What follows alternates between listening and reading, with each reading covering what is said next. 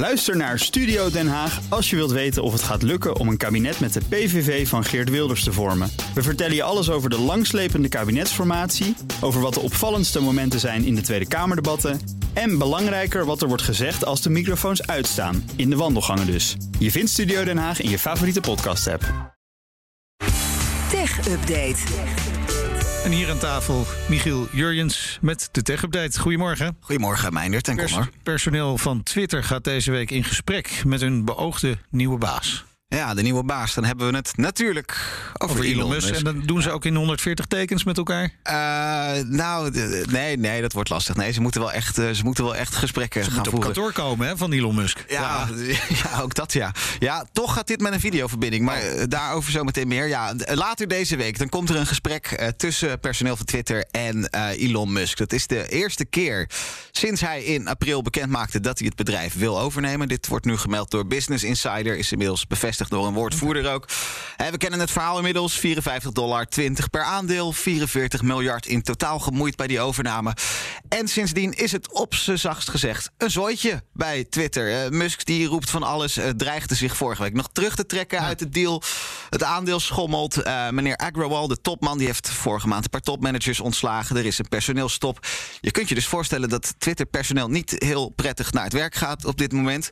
Nou, nu komt er dus een gesprek komende donderdag, wel via een videoverbinding.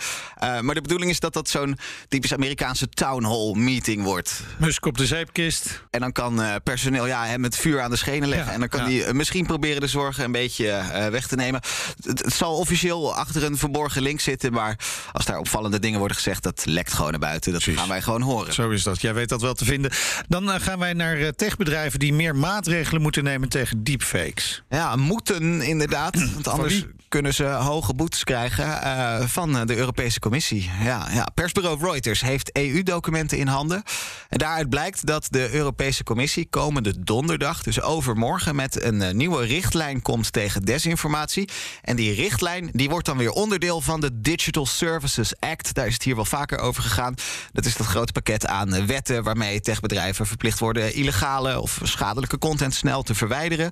Dat gaat dan vaak over zaken als nepnieuws, gewelddadige beelden. Maar daar komt dus wat bij. Reuters heeft documenten in handen en daarin gaat het over, de excuseer voor de ambtenarentaal, maar duidelijk beleid aannemen en implementeren met betrekking tot ongeoorloofd manipulatief gedrag. Oh ja. En als je dan naar gewone mensentaal gaat, eh, dan kom je al uit onder meer bij die zogenaamde deepfakes. Dus ja, video's die er heel realistisch uitzien, maar gemaakt zijn met kunstmatige intelligentie. En dus ja, hartstikke nep zijn. Ja, dat zijn mensen die, die, die eh, jatten de beelden van jou terwijl je aan het praten bent. En die zetten daar gewoon een heel ander verhaal over. Ja, ja, ja de- of eh, van jou nu. We hebben nu camera's hier in de studio hangen. Als je een beetje handig bent met die deepfake zet... dan zou ik jou de meest verschrikkelijke dingen kunnen laten zeggen. eh, de- Mogen we wel mijn- uitslapen, Meindert. Dan kunnen we het gewoon eh, een soort lekker. deepfake laten Ja, draaien morgen. Precies. Oh, wat een goed idee. Dat dan weer wel. Maar ja, er zijn ook andere toepassingen van. In maart bijvoorbeeld was er een, een video van president Zelensky van Oekraïne... die een oproep deed aan alle burgers van Oekraïne... om de wapens neer te leggen, de, de, de overgave daarvoor te kiezen. Nou ja, dat soort toepassingen zijn dus mogelijk met die deepfakes. Techbedrijven die moeten er dus sneller bij gaan zijn... als dat soort beelden rondgaan. Doen ze dat niet, dan overtreden ze dus die Digital Services Act. Daar staan boetes op die eh, ja, echt in de miljarden kunnen lopen. Ja, precies. Hey, en dan dit. Hmm, we sluiten af met heel verdrietig nieuws. Want er is iemand ons ontvallen. Of iets is Ja. ons ontvallen. Ja, iets. Dat dan weer wel. Eh, ja, sorry dat we dit programma een beetje in mineur eindigen, Meindert. Maar er komt weer eens een einde aan een tijdperk. Honderden miljoenen mensen die hebben 27 jaar lang een haat-liefdeverhouding ermee gehad. Vanaf morgen stopt Microsoft met de ondersteuning van Internet Explorer. Jeetje. Ja. Ik was hem alweer vergeten een beetje. Ja, ze hadden dit ook vorig jaar al aangekondigd. We wisten dat dit gaat gebeuren, maar eh, morgen dan is het dus echt zo. Op de meeste computers doet Internet Explorer het simpelweg niet meer. En eh, wat jij zegt klopt, er zijn niet heel veel mensen die dat gaan merken. Ik heb net even gecheckt op de redactie hier. Ja, Het staat wel. Het, het, het, Oh, het staat staat, nog? het staat op mijn PC. ik oké. kan er gebruik van maken, maar Oh. ik heb even op de schermen van collega's gekeken. Er is natuurlijk niemand die het nog gebruikt, Internet Explorer. Eh, Het opstarten duurt lang, het ziet er gedateerd uit. Ooit was dat wel anders. In 2003 gebruikte 95% van de mensen Internet Explorer. Zo, we hebben er allemaal ooit wel gebruik van gemaakt. Maar ja, vrij snel daarna Firefox kwam. Google Chrome kwam. Uh, ik geloof, wij hebben hier nu in de studio hebben we allemaal gewoon Chrome openstaan, denk ik. Ja, ja, ja en Firefox ook. Ja. Ja, ja, ja, ja, dus ja, het was eigenlijk al een beetje klaar. nog wel DuckDuckGo. Uh, ja, ja, ja, daar kun je weer andere delen van het internet ook uh, makkelijker mee bezoeken, geloof ik weet nou even niet precies waar je het over hebt. Maar dus gewoon. Laten we snel doorgaan. ja. Goed. Als je toch bij dat handje dat hier iets uh, gebeurt met de P en Orno, uh, dat daar uh, veel voor wordt gekeken, of is dat het niet? Ja, dat kan. Het, het, is meer ja, de, de dark web oh, nee. delen van het internet waar echt schimmige dingen gebeuren. Daar moet je DuckDuckGo oh, en dat soort nou, ja. dingen. Dus daar dan een zoekmachine okay. voor. Ik dacht dat je daarop doelde. Nee, niet echt.